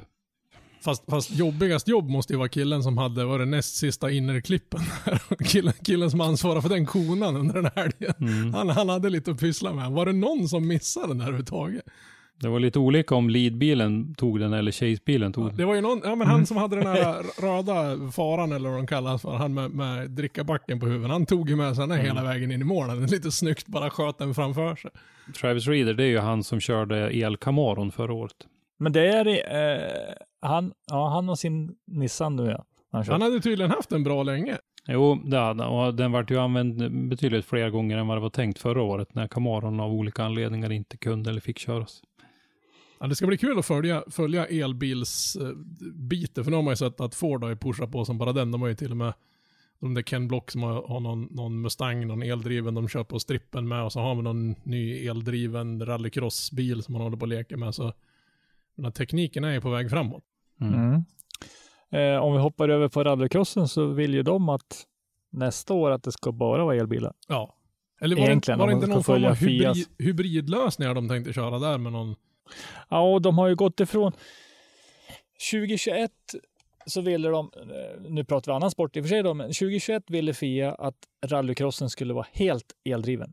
Ja, sen backade de från det och började titta på hybridsystemet. Så hybridsystemet är väl någon form av mellanting. Men det finns ju ingenting som säger att inte det kan komma in i driftingen också. Jag tror att det är Ja, på ja. väg, åtminstone. Jag vet inte om det kommer bli något hybridsystem med driftingbilar eftersom det inte har någon nytta av fyrhjulsdrift och sådana saker där. Men, men det, det kommer nog på, på frammarsch ganska starkt. Jag tycker att det var lite oturligt med, eh, med eh, den här Camaron förra året. Därför att det, serien var ju inte mogen för det. De hade ju inte kollat. Till exempel fick man ju inte köra i Long Beach med, med förbränningsmotor och elmotordrivna bilar samtidigt på samma bana. Så då fick de inte köra och så vidare. Och sen så känner jag att den bilen var ju inte helt färdigutvecklad då. Den, den var inte tillräckligt bra helt enkelt. Och Mm. att köra med en sån en säsong för tidigt eller vad det kan ha varit. Det kan ju ha skadat mer än vad det gjorde nytta. Men det var ju, alltså Napoleon Racing eller vad de heter, de, de eh, blev ju kända för att de var först med det. Men, men gjorde de det bra? Nej, inte direkt. Som du säger, jag tror nog att det gjorde mer skada än nytta det där. För, Mm. för inom dragracingen börjar det poppa upp fler och fler sådana elbilar. Då har det funnits, i Europa har de ju haft ganska många. Det finns väl någon, någon tokig holländare som har någon DAF med någon, med någon hembyggd historia i som far och kör några fruktansvärda tider på, på strippen med den. Och den har ju han hållit på med en, en 10 plus år och kört med. Så det är liksom inget Mm. nytt att man vill få utvinna explosivitet och, och, och vridmoment med elmotorer. Nej. Ja, sen har du ju rätt. Det här drifting och dragracing är ganska optimalt för att du behöver ju inte ha kraften under en längre tid. Men just om man, om man säger, du behöver ju inte ha 182 batteriackar till exempel för att kunna köra 15 kilometer, säger vi. Mm. Men utvecklingsmässigt, Och sen är ju frågan om, om hur rent sportsligt det är, för har du en eldriven bil med, med en individuella elmotorer så kan du ju ha ett, ett annat traction-system än vad du kan ha i en vanlig bränsledriven bil och du har ingen växellåda som du behöver kanske använda på samma sätt och sådär. Så det är det, det, blir, det kan bli väldigt orättvist när man, när man tittar på det. Och sen har Mm. ju Formula Drift en ny regel också som säger att serien i sig ska kunna titta på bilens uppförande under race. Mm. Alltså kunna se om det är något traction control och så vidare. Nästa tillfälle på Formula Drift. Det är ju 25 till 27 september i Monroe, Washington är det ju det. Då, då, då kör man ju deltävling 3 och 4, så det är ju en, en eh, likadant uppbyggd helg. Ryan Sage pratade ju lite grann om det där i livestreamen och eh, sa ju att de hade ju till sin glädje att hitta fyra venues eller fyra anläggningar där de kunde köra tävlingar eh, trots coronaläget. Så att vi hoppas väl att det inte blir något mycket värre än vad det är så att de kan fortsätta och, och genomföra de här åtta deltävlingarna på fyra olika platser nu då när de har kommit igång.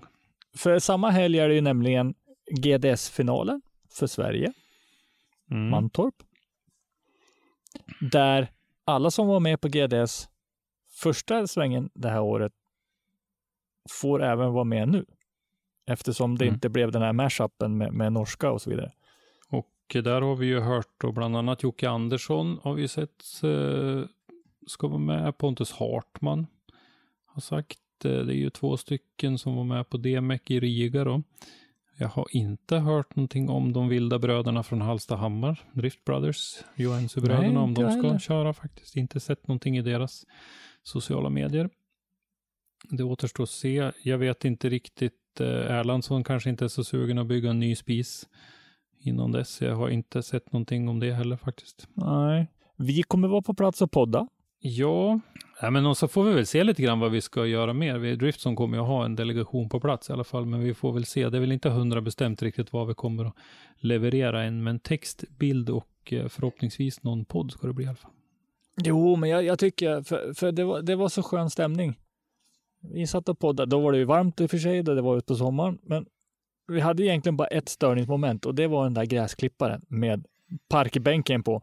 Ja, du kan ju tänka hur många, många störningsmoment det kommer vara på det här eventet i förhållande till det. Jag tror inte vi kommer sitta ute och podda någonting nu på kommande Nej, event. Eller vi får nog hitta en liten kur och sitta och gömma oss i. Ja, Mm. jag tror det kan vara skönast att vara inomhus faktiskt och podda den här gången. Och en annan sak som är väldigt intressant att veta här, det är kommer våran kära programledare Christer att köra stor bil eller liten bil dit? Ja, du menar om John Martinsson ska ner? Ja. Liten bil så vitt jag vet. Han har ju en förare normalt sett, men han kunde inte förra gången, det var därför. Mm. Precis. Ja, nej, det får vi se. Vi går raskt vidare tycker jag. Peter Mm. Dragway, har de blivit klara med sin utbyggnad redan? De är klara och klara. Jag vet inte riktigt om de är klara, men de har gjort eh, en, en etapp i alla fall som eh, invigdes i helgen som var med en liten eh, träningskörning där eh, de eh, ja, körde lite, provade köra lite twin. Det har ju varit lite trångt på den här banan förut. Eh, och då har de tagit ut eh, svängarna lite grann och provades det lite twin-körning och eh, det som jag fattade så upplevdes det väldigt positivt av förarna som var där. Mm. Eh, Niklas Wiklund och Joel Andersson bland annat eh, var där och tyvärr då så körde Joel eh, haveri i maskin. Det började låg lite kolvbultar och några grejer eh, på banan och som Lars Sjödén skrev till mig så var det ett inspektionshål i blocket också. Aj då, aj. Men det är ju, Mm, det är ju ganska inte praktiskt ur vissa, Ja, vissa praktiskt. aspekter. Mindre praktiskt av andra.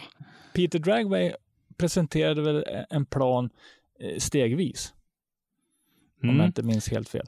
Ja, men precis. De började ju lite grann i höstas. Sen har de ju ställt upp en mur här och så asfalterade de för någon vecka sedan och så där. Så att de Mm. har jobbat på lite långsamt med det här och det är ju naturligtvis med, med tanke på hur året har varit också. Så det har inte varit några tävlingar planerade och så där. Men jag tycker alltid det är kul att se när det arrangeras grejer där uppe för att eh, kryper de fram ur, eh, sina garage, alla förarna där uppe och ställer upp och kommer och, och är med. Men sen är det kul att se även att, att klubbarna satsat trots hur den här säsongen har sett ut. Att liksom, Mm. det, det är ingen som har, har lagt sig platt död ner och liksom, "Nej, nu ger vi upp. Utan det, det är kul att även när det inte är några tävlingar och sådana saker, då, då byggs det på banorna istället. Mm. Jag ska på, passa på och, och säga en grej också till er som representerar klubbarna ute i Sverige. Berätta gärna för oss på Driftzone vad ni håller på med. Uppe i Piteå har vi eh, Algren Ahlgren, som jag nu tappade förnamnet på, som eh, jätteduktig. Lars Sjödén är ju sportgränsansvarig där uppe i övre norra. De är jätteduktiga på att förse oss med information om vad de håller på med. Och eh, då blir det utrymme och vi pratar om det och vi skriver om det och sådär för att vi får reda på vad som händer helt enkelt. Och gör det, berätta för oss. För om ingen, ingen berättar så vet vi ju inte. Har ni någon träningsdag eller någonting på något område där så menar, dra iväg ett mejl. Menar, Vi kanske har någon som bor i närheten som vi kan skicka dit och ta lite bilder och surra med lite förare och skriva någon grej. Jag menar, det är ju det är liksom Mm. lite bra. Dels gagnar det oss som har lite mer saker att skriva om och sen blir det lite mer PR för, för klubbarna och banorna också. Ja men visst, kan vi så kommer vi. Ja, ja, oh ja. Och, Så, och, och, och även nu, eh, nu, vi som bor, eller vi, jag som bor då i södra delen av Sverige. mot då, det här anknyter till en diskussion vi hade innan vi slog igång inspelningen. och ni bor i mitt i landet. Men hur långt upp är Mm. Piteå? Nu måste jag gissa igen här. Jag skulle gissa på att det är fem- 57-58 mil härifrån. Är det så pass långt upp ifrån oss? Mm, jag tror det. Så när jag, åkte upp till, när jag åker upp till Sundsvall så har jag åkt ungefär hälften när jag kommer till er. Sverige är avlångt tänker jag. Oj, ja. Väldigt lång. Men det, det är skönt att höra att det börjar poppa upp lite fler banor norr om Sundsvall. Det tycker jag är fruktansvärt roligt. Så jag ser verkligen fram emot. Jag, hade, jag, hade fortfarande, jag är fortfarande djupt besviken av att det inte varit en SM-serie så jag fick åka till Fällfors. Det, är- det är liksom årets flopp i min värld. Nej, jag håller tummarna. Jag hoppas att nästa år att, att Fällfors är med på banan. Ja, vi, vi kan reda ut det här på en gång då. 46 mil har vi, så jag tog i lite för hårt och du har 76 Henk. Har jag 76? Ja, Mm. Nej, då har jag åkt ungefär hälften upp till Sundsvall. Hur långt är vi till Mm. Mantorp? Det har jag glömt bort. Är det 50? Nej. Nej, 60. Nej, det, det, det är två stenkast för er och Ja. ett för mig. typ. I alla fall, eh, nu har vi pratat om Pite som, som ligger ganska högt upp, eller typ högst upp nästan. Ja, det kan vi Förutom vara tre- överens om. ja. Ska vi ta och ramla ner till längst ner i landet då? Ja, Det tycker jag. Och då är det så då, de kallas för The Last of MKÖ. Mm, Motorklubb Öresund, Sturup Ja. Raceway. Ett extremt Och det var missvisande sista namn körningen. i år. Ja, extremt missvisande eftersom de skulle ha en körning till såg jag. men, men den där Ja, brukar då- ligga där tror jag i, i, september. Eh, där hade ju vi uh, vårat Skåneteam, Björn Billsten och Amanda Eversson på plats. Mm. Ehm, och eh, det var lite varierande som de har beskrivit det för oss. Det var lite blött och det torkade på och kom någon regnskur till och torkade på igen och sådär. Så att det var eh, varierande underlag. Och det är ju en rolig bana det där. Det är ju, jag har hört en, en del förare säga att eh, det där är en, eh, att det är bäst, Sveriges bästa bana. Eh, och en del, det, är- flera som tycker riktigt bra om Sturup. Mm, ja, men det har jag också hört. Att, äh, alltså, Mm. det, det, det är ett bra flöde på banan Mm. för just driftingen. Och eh, nu var det ju eh, frikörning då så att säga, gräsrotskörning, men det var ju även en del eh, bra förare som bra utifrån att de har tävlat så att säga. Och eh, naturligtvis som alltid även en del tillresta danskar då som var där och eh, passade på, träna lite grann. Men eh, ja, och så som sagt då 17 oktober så kommer de att ha en körning till så att det blir the last last eller någonting. Och då, då skickar vi dit Björn igen hoppas jag då. Ja, det får vi väl se. Han, eh, det, det hoppas vi väl. Han, eh, vi får väl förmånen att träffa på honom på gatubil, i alla fall. Som Ja, det ja, precis. Mm. Mm. Får vi se om Amanda är med också. I alla fall, när man pratar med alla förare, nu, nu med tanke på att det var ju väldigt varierande väder, så finns det en sak jag tror att alla förare jag pratar med säger samma sak. Det är när det är fläckvis. Alltså det är så varierande på banan så att vissa sträckor är torra och vissa är blöta. Det är det svåraste underlaget för dem att köra på. Ja. Och ofta blir det ju så att det eh, torkar upp så när, när det har varit regn, om det blir uppehåll, att det spåret där de flesta kör, det torkar ju upp väldigt fort. Och, Mm. och kommer du då utanför det spåret så kan du ju sticka iväg på en gång, för då blir det jättehalt på en gång.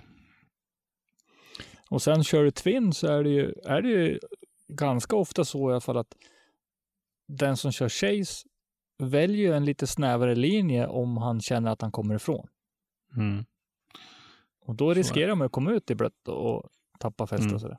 Sen en annan sak som man inte ska förringa heller är ju det här med eh, hur mycket gummi det ligger i banan. Det påverkar ju ganska mycket så att de här kurvorna där det är fullt hjulspinn och ligger väldigt mycket gummi kan ju vara betydligt mycket hardare när det kommer vatten på det än vad de delar av banan är där det inte är riktigt lika mycket gummi nedplöjt. Så är det också. Men det är kul att det händer saker. Mm, absolut. I och med det så tänkte jag att vi skulle hoppa över till andra sidan Atlanten. Igen? Ja, igen.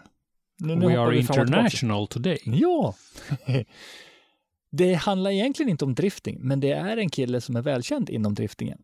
Som har gjort en, en väldig bedrift faktiskt. Och det är Dai Yoshihara. Han gick och vann Pikes Peak International Hill Climb. Unlimited-klassen dessutom. Ja, det var inte bara att åka dit och, och liksom tävla mot några enhjulsburnande gamla jänkare där, utan det där var ju de, de stora grabbarna. ja. Ja, hur? Det, det, det finns väl ingenting som begränsar vad du åker med där i stort sett. Tänker då också det här, eh, eh, om vi ska sätta oss in i, i tankesättet. På driftingen behöver du hålla fokus på att se, du har starten, initieringen och sen så kanske det blir en serie med fem, sex kurvor. Eller fem, sex, eh, alltså Det är några, jag, jag är lite osäker på hur många det är i Pikes Peak, men det är lite mer än fem, sex stycken Mm. i alla fall.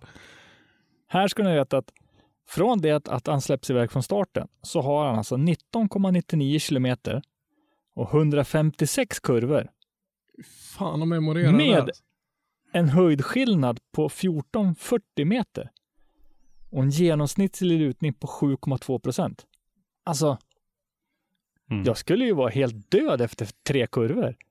Ja, om inte annat så är man helt död även om du skulle fått åkt buss upp och försöka kliva ur bussen och gå ett runda, upp, runda där uppe på uppställningsplatsen. För på den höjden, men det finns ju en anledning till att de här grabbarna har syrgas med sig upp. Mm. Mm. 4302 meter. Jag satt och Mm. kikade på någon, någon eh, sån här Pikes Peak-veteran där som i år körde någon Tesla. Och han sa att det var första gången någonsin han kört upp för Pikes Peak och bilen inte hade tappat effekten när hon var på väg upp. Han sa att han har lika mycket effekt ner på backen som han har här uppe. För hans bil påverkas ju inte av det här tunna syret. Nej, precis, för den behöver ju inte ha det i blandningen. Tävlingen brukar också kallas för The Race to the Clouds. Mm. Tror någon, den där är 4302 meter på mål, som målet är på. Det har ju hänt flera gånger att det har varit liksom väldigt bra väder nere vid starten. Sen har det snöat så det har legat typ några centimeter snö på den sista biten utav banan. Och den sista biten utav banan, där pratar vi inte sådana här jättefina meterhöga armco-räcken, utan där är det ju typ möjligtvis har de målat en sidlinje. Det är Mm. ungefär ett och sen har det en ravin ut på sidan. Och, ja, alltså, om man har sett bilderna, till exempel som Larry har tagit. Ja. Eh, Jag har ju en, en bild i, i minnet där Ken Block ligger på den yttersta kanten i full drift. Har ni, kommer ni ihåg den bilden? Mhm. Mm. Alltså det räcker med, med en litet kvar. tapp i fästet så flyger han ju. Vad skulle jag säga? Tävlingen har arrangerats sedan 1916. Mm. Så det är en anrik tävling. där. Vad som gör att Dai Yoshihara, alltså hans seger, jag försöker hitta ett bra ord för det hans seger känns ju, måste kännas extra skön för honom, för att kvalet fick han förstört på grund av en Mm. trasig bil. Så han Mm. kunde inte köra kvalet som han, som han ville. Nej, och jag vet inte riktigt vad kvalet innebär i den där tävlingen heller, eftersom han fick ju tydligen köra även fast han inte kvalade.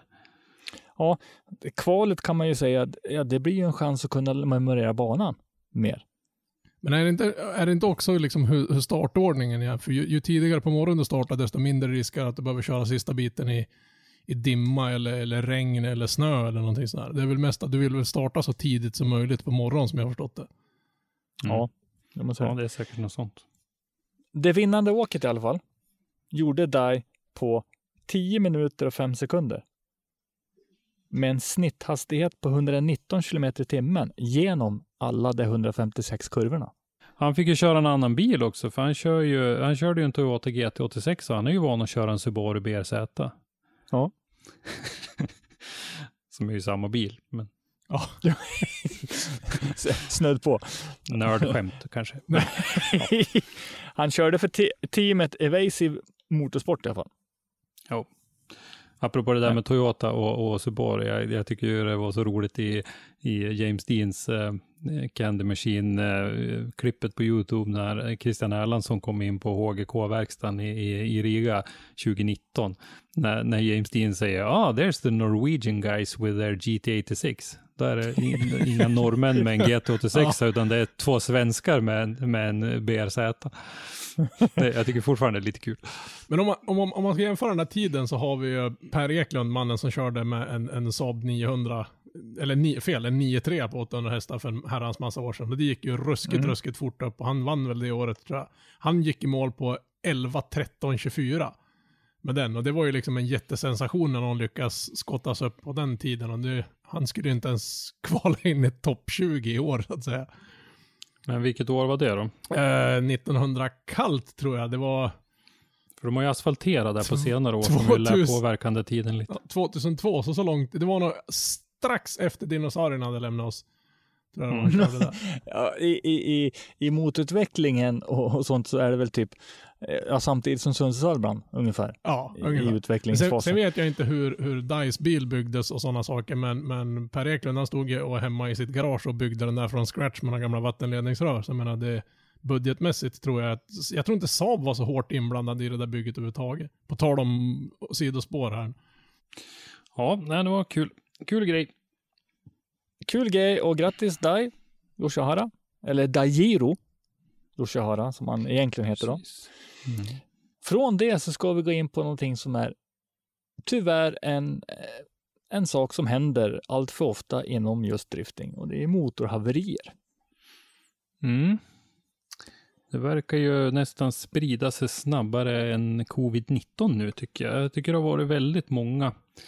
Det var jag som ville ta upp den här frågan och jag tycker att eh, den, eh, jag tycker det är en lite oroväckande utveckling att vi har så många eh, motorhaverier. Nu, nu blev det några norska exempel här, men det är väl mest för att de har kört eh, sin tävling nu senast och det dök upp några där.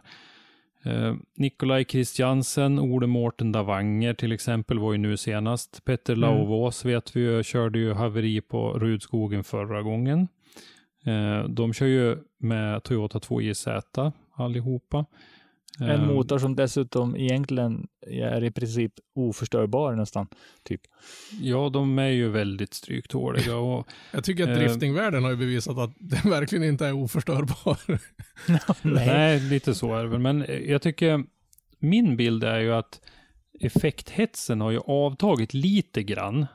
Jag tycker att den har dämpats lite. Det är många som plockar ut mycket, det är det. Men, men ändå så har det dämpats lite grann. Men ändå tycker jag att det ser ut som att motorhaverierna ökar. Och eh, vi, vi diskuterade ju det här lite grann för, för ett tag sedan här vi, i den in, in, inre driftsomkretsen att eh, det kanske inte beror på motorerna utan det kanske beror på att förarna börjar jobba väldigt mycket med chassina nu.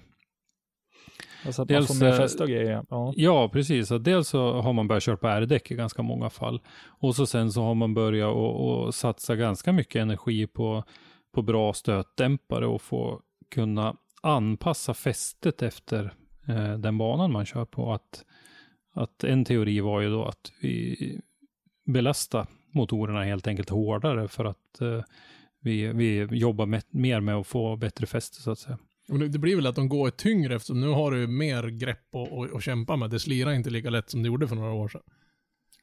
Nej, det kan väl vara så. Bara den här skillnaden mellan närdäck och gatdäck måste ju vara jättestor. Och sen är det väl som du säger också, det är väldigt många som har, de har ju gått över till ganska avancerade fjädringssystem på bilarna, eller åtminstone dämpare och sådana saker nu som det, det går ju att justera ner och, och ändra på, så de, så de beter sig på ett helt annat sätt och inte är lika hård hela tiden så att säga, mer progressivt än vad det Mm. varit tidigare. Och det kan ju också vara en bidragande faktor till att motorer och sånt får jobba hårdare nu när det, när det bettar bättre så att säga. Mm. Jag vet inte om, om, om farterna på bilarna i sig också kan vara en orsak. För det, det, det känns ju som det går lite fortare nu än vad det gjorde för några år sedan. ja, men det har nog att göra med, med, med R-däckens eh, ihopsättning. Att, att Ja, men det tror jag. även de får bättre grepp. Och då blir det ju tyngre och då måste motorn leverera på högre varvtal hela tiden. Mm. Ofrånkomligen så är det väldigt mycket varvstoppsåkande också. Det är väl inte riktigt så här uh, optimalt för motor att ligga och tokköra på två och en halv minut på maxvarv heller. Nej, Mm, men det där nej. tycker jag väl ändå att man ser, när man får se ibland eh, de, när de mappar bilar och sådär så pratar man ju en del om att man, man kanske väljer att lägga varvstoppen lite lägre istället för att spara på motorn. För att det där Oh, ja. kan man ju styra själv i, i, i ESU hur, Ja, ja, ja. hur, ja, så att det, det kan man ju styra lite över. Så att det, det, det är nog lite så. Men, men just det här med fästet och belastningen, att de går ganska mycket nu på, på väldigt eh, hård belastning. Om det är det som är, är grejen. Eller, eller så är det bara att det har varit lite, nu, jag räknade ju inte upp så många fall här, så ett eller ett par extra liksom, det, det eh, kan ju påverka bilden ganska mycket av hur, hur man tycker att det ser ut. Men det, det är en känsla jag har i alla fall, att det, vi har ganska mycket haverier. Sen har du också det att vet du, motorerna byggs, de körs, de kanske körs en säsong. Sen kanske man bara byter olja, lite service och kör en, en säsong till. Du har ju den här förslitningsskalan som kommer också. Det kanske inte är det exakt det, det underhåll som behövs för, för motorer som jobbar på den här nivån. För det är, ju, det är ju ganska kostsamt med den biten också. Det är inte bara byta olja, filter och tuta och köra, utan menar, riva i ur motor och plocka isär och mäta upp alla lager och grejer. Det finns väl roligare saker att göra. Men, men i princip så är det ju att bygga om motorn varje år för, för att den ska tåla belastningen under hela säsongen kanske. Ja, Ja, jag vet inte. Jag ska som, inte det känns nu så. så är det inget, som det känns nu så kör de inte med dem ett helt år. Vi, vi tittade ju på när eh, Odd Helge Hellstad körde med, med hål i blocket i, eh, på Mantorp i eh, september förra året. ja Byggde han en ny spis efter det. Den gick de här NDC-deltävlingarna i den te- eh, andra deltävlingen, eller var det tredje? Nej, det var nog den tredje kanske.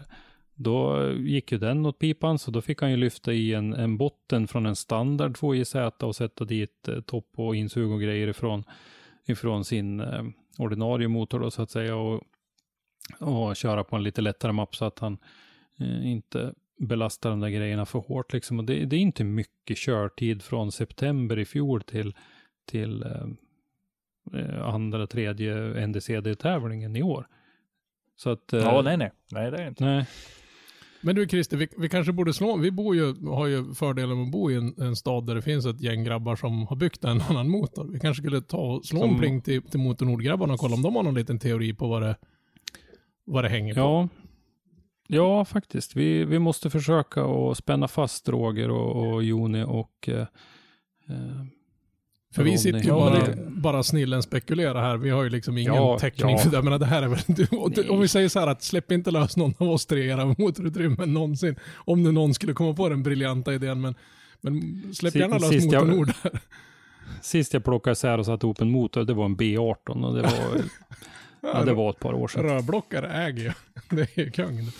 Ja, jag vill skruva så här någon, någon lite nyare motor än så men det är inte på den här effektnivån. Mm. Men jag hoppas att det inte kommer till det stadiet så vi ser i dragracingen att åh, oh, när vi kört en reva in i depån och riv motorn i bitar liksom. Det vore skittråkigt om det kommer dit. Nej, men vi ska absolut ska vi försöka att fånga upp Motor Nord på, på ett avsnitt i det här och diskutera lite motorbyggen med dem. Och det finns ju fler som verkar i den där branschen som vi ska prata med vid olika tillfällen också. Är det någon av er som, som sitter och lyssnar på det här som har haft några haverier och så, som har liksom kommit fram till vad orsaken är så, så tjo gärna till och hör av er lite grann. För vi är sjukt nyfikna på vad det kan bero på. Senaste motorn jag rev, det var en flakmoppe i lumpen. ja, så där. Så, Efter så... att det råkade komma i rea 77 i, i, i tanken. Så, så har ni en flakmoppe som ni behöver serva så hör av er till Henriks flakmoppeservice. Ja. Fast den måste ha gått på flygbränsle först. Ja. Annars känner ni inte igen den. Ja, nej, men vi, vi, får grotta vidare lite i det här. För jag, menar, jag tycker samtidigt mm. att att i och för sig, det går ju lådor också till höger och vänster och drivaxlar. Så jag menar, det kan ju vara liksom en, en följd av det här grepp, greppträsket alla hamnar i nu då. För menar, drivlinjerna åker ju, det, det är ju liksom, händer ju på var och varannan tävling. Det såg vi bara nu uppe i Sundsvall, att det var ju både växellådor som satt fast med spännband och det var ju diffar som låg kvar på banan och ena och sjunde, mm. så något hänger ju på. Nej, jag tror det är fästet som vrider sönder. Vi får ha lite detektivjobb där. Vi löser hela driftingvärldens motorteknikproblem. Nej då, det, det, tror jag inte vi kommer göra, men däremot så kommer vi att berätta lite ja, mer om det. det jo, vi. om inte annat så stillar det våra nyfikenhet. Mm. Vi kommer lära oss någonting nytt. Oh ja, och då har ju liksom nyttan med den dagen inte varit bortkastad. Men no, nog om motorhaverier. Vi har ju faktiskt en annan nyhet andra typer av haverier. jag tänkte säga. Nej, jag tänkte nej, säga nej, en positiv nyhet. Tillbaka, nej då. En positiv nyhet. SBF har ju som säkert de flesta har sett haft sitt förbundsmöte nu äntligen. Mm. Där vi har fått en ny styrelse. Mm. Bitar av den är ny i alla fall. Vi har väl några som, som hängde kvar från den gamla. Men den, den, den, största delen som jag uppfattar har väl bytts ut. Mm. Så är det. Magnus Bertling blev ju eh, ordförande. Eh, och min bild av Magnus Bertling är ju att han kommer ifrån näringslivet, eh, ordförande i Lekia-koncernens eh, styrelse bland annat. Eh, och eh, jag blev lite positiv över det faktiskt. Nu har jag inte haft så mycket möjlighet att grotta vidare i Magnus bakgrund och sådär, men vi, min bild är i alla fall att han inte kommer ifrån något av, eh, någon av sportgrenarna i SPF. Han kommer inte ifrån något av distriktsförbunden heller, utan att han har en lite mer allmän, ett allmänt motorintresse. Mm. Och att eh, han istället är en person som är duktig att leda arbete i en styrelse. Att eh, jag tror att i det läget som eh, Svenska Bilsportförbundet befinner sig nu, så tror jag att det här kan ha varit ett väldigt bra val faktiskt. Att någon som inte har så mycket, han, han favoriserar ingen av sportgrenarna på grund av att han kommer därifrån. Han har inga djupa vänskapsrelationer eller lojaliteter emot personer eller andra eh, som kommer att påverka honom för mycket. Det är min förhoppning i alla fall. Så att eh, jag, jag, tror att valet av Magnus Bertling kan ha visat sig vara ett bra val. Vad känner ni inför att få någon som kommer lite utifrån? Här får du alltså in en, en kille som är van att sitta på en sån post i privatlivet som styrelseordförande. Han är van med det men han kommer ju också in och precis som du säger inte har alltså någon relation till varken sportgrenar eller folk i ledet Mm. som gör, gör att han kan verka som alltså en styrelseordförande ska. Han kliver ju Ja, in med, med nya ögon så att säga, får en helt ny, Mm. ny approach till det hela. Och han har ju från, från eh, Eh, vad ska man säga, yrkeslivet på sidan om så har han ju liksom presterat väldigt bra där. Och jag tror att det kan vara väldigt, väldigt bra för, för Bilsportförbundet att få in en sån person som han. Så jag ser bara positivt på det här. Mm. Och det var ju eh, Daniel Nyman som eh, avgick då. Han hade ju bara suttit, han var ju vice ordförande under Lars Pettersson tidigare. Eh, Lars Pettersson avgick ju under pågående mandatperiod nu då, så Daniel Nyman fick ta över och nu blev eh, Magnus vald som, som efterträdare till honom. Och sen så var ju eh, Valberedningen hade ju då förberett Maria Björn Svensson och Roger Engström eh, som skulle ersätta Örjan Eriksson och eh, eh, Lars Pettersson då. Mm. Men eh, man hade ju faktiskt inte hittat någon ersättare till Anna Elitorp. Så att eh, han valdes eh, faktiskt, eller där valdes faktiskt Fredrik Wakman in på sittande möte. Och eh, jag, jag har ju varit, jag har nämnt det förut att jag varit lite aktiv inom föreningsliv och sånt där och man har genomfört några årsmöten och, och sådär. Och, och det är ju ganska ovanligt även i mindre föreningar att man väljer in folk på sittande möte sådär. Och i ett sånt här riksförbund så måste det vara extremt ovanligt. Mm. Men eh, Jag, kan- jag kan inte komma på att jag har hört talas om något liknande tidigare. nej. Nej, valberedningen hade, som det verkar, gått bet och hitta någon som ville. Men det var ju tur att Fredrik ville ta på sig det där och vi hoppas väl att han också ska vara en, en bra, att alla de här nya ska vara en bra, bra personer för eh, Och framförallt verkar i kanske få en, en, en ny och bra grund för att bygga upp någonting nytt. Skrota det gamla och liksom driva framåt. Om vi drar styrelsen, hur ser den ut då? Ja, styrelsen ser då ut som ordförande Magnus Bertling som sagt. Och så har vi Fredrik Wakman, Urban Wahlberg, Karin Leandersson, Per-Gunnar Peggen Andersson, Maria Björn Svensson och Roger Engström som sitter i, Mm. i styrelsen. Ehm, så att det är ju då Urban Wahlberg, Karin Leandersson och Peggen Andersson som sitter kvar ifrån den gamla styrelsen. Och den gamla styrelsen då, den eh, var ju uppe för omröstning på förbundsmötet och det har ju, eh, vi har ju pratat en del om det här tidigare, att det har ju funnits frågor om man skulle ge den eh, gamla styrelsen ansvarsfrihet för, för, gång, eh, alltså för det gångna året. Och eh, där var, slutade det faktiskt med att 25 eh, röster var mot ansvarsfrihet och eh, 11 var för att bevilja ansvarsfrihet. Så att de fick ingen ansvarsfrihet. Och eh, det där är ju, egentligen så behöver det där inte betyda att, att det blir något mer av det här, utan det enda det betyder är att man inte har stängt dörren. För hade man beviljat dem ansvarsfrihet, då kan man nästan säga att styrelsen hade varit fri från, ja men det är ju det det betyder, liksom. då hade de ju varit fri från, från personligt ansvar för det som hände förra året med den här USA-resan och allt det här som har varit eh, på tapeten så många gånger. Eh, Mm, nu mm. så stängde man inte dörren, utan det kan bli så att man kanske kräver någon ersättning eller man kanske gör någon vidare utredning eller någonting. Men som sagt, det behöver heller inte leda till att det blir någonting mer heller. Nej, det är väl egentligen en, mer en, en, en, vad ska man säga, att, att Motorsport-Sverige har via sina representanter visat liksom att vi gillar inte det här. Vi, vi är lite missnöjd med hur ni skötte det här så att säga. Sen som Mm. du säger, man behöver ju inte dra det vidare så att säga. Nej, det kan ju gå åt vilket håll som helst. Det är liksom inget... Det, det väckte ju Mm. en del frågor också när några sitter kvar i, i styrelsen, men, men samtidigt ser Mm. det som att det finns ju två sidor av det där myntet. Att byta ut hela styrelsen mot ett gäng som inte har suttit i styrelsen tidigare. Och det Inte kan ju bra. vara en bra sak, men, men samtidigt kan det vara bra att ha kvar några rutinerade människor. För man kan inte liksom Mm. skylla på, på alla i styrelsen att ni, ingen ska få vara kvar för, för någon gjorde bort sig. Utan de som är kvar, det känns som att det, menar, det är mycket rutin och grejer där. Och som, och det, det är kul att några har varit kvar där. Jag tror att det kan vara, kan vara nyttigt att ha kvar några äldre, vad ska man säga, rävar och några av de här nyare samtidigt. Jag tror det, det, jag, jag tror det här kommer att bli riktigt, riktigt bra. Mm.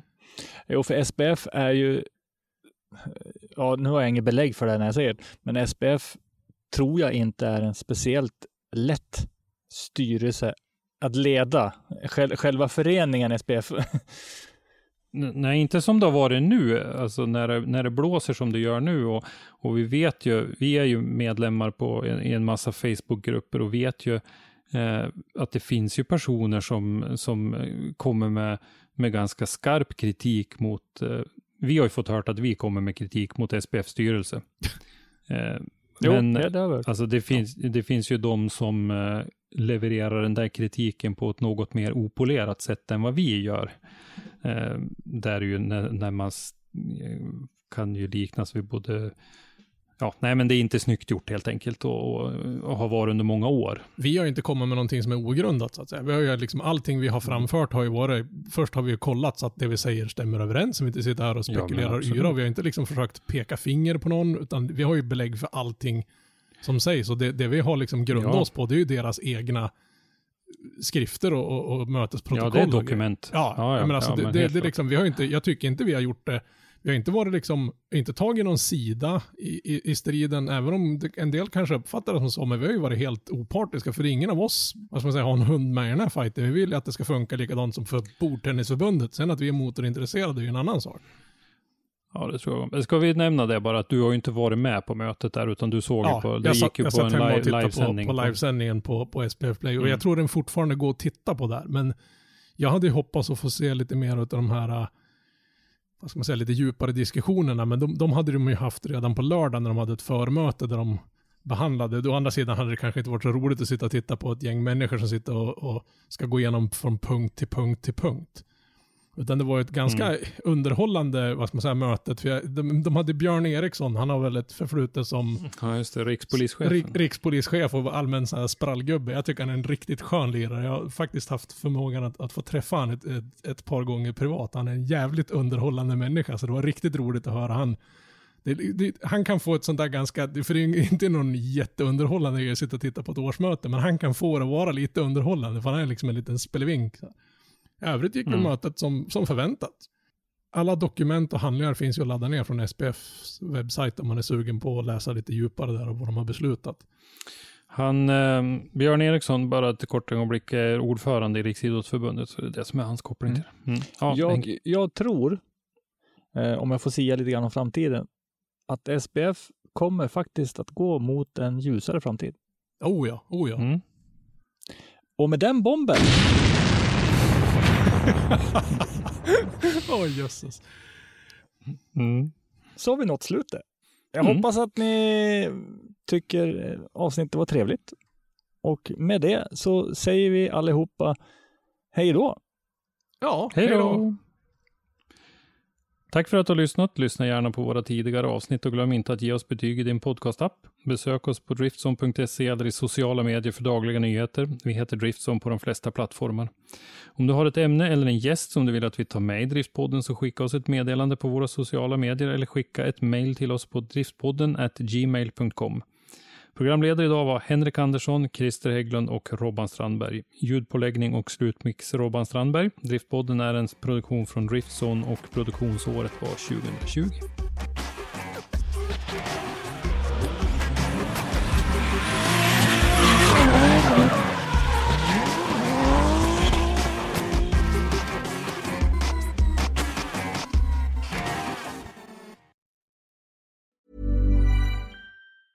Mom deserves the best, and there's no better place to shop for Mother's Day than Whole Foods Market. They're your destination for unbeatable savings, from premium gifts to show-stopping flowers and irresistible desserts. Start by saving 33% with Prime on all body care and candles. Then get a 15-stem bunch of tulips for just $9.99 each with Prime. Round out Mom's menu with festive rosé, irresistible berry chantilly cake, and more special treats. Come celebrate Mother's Day at Whole Foods Market.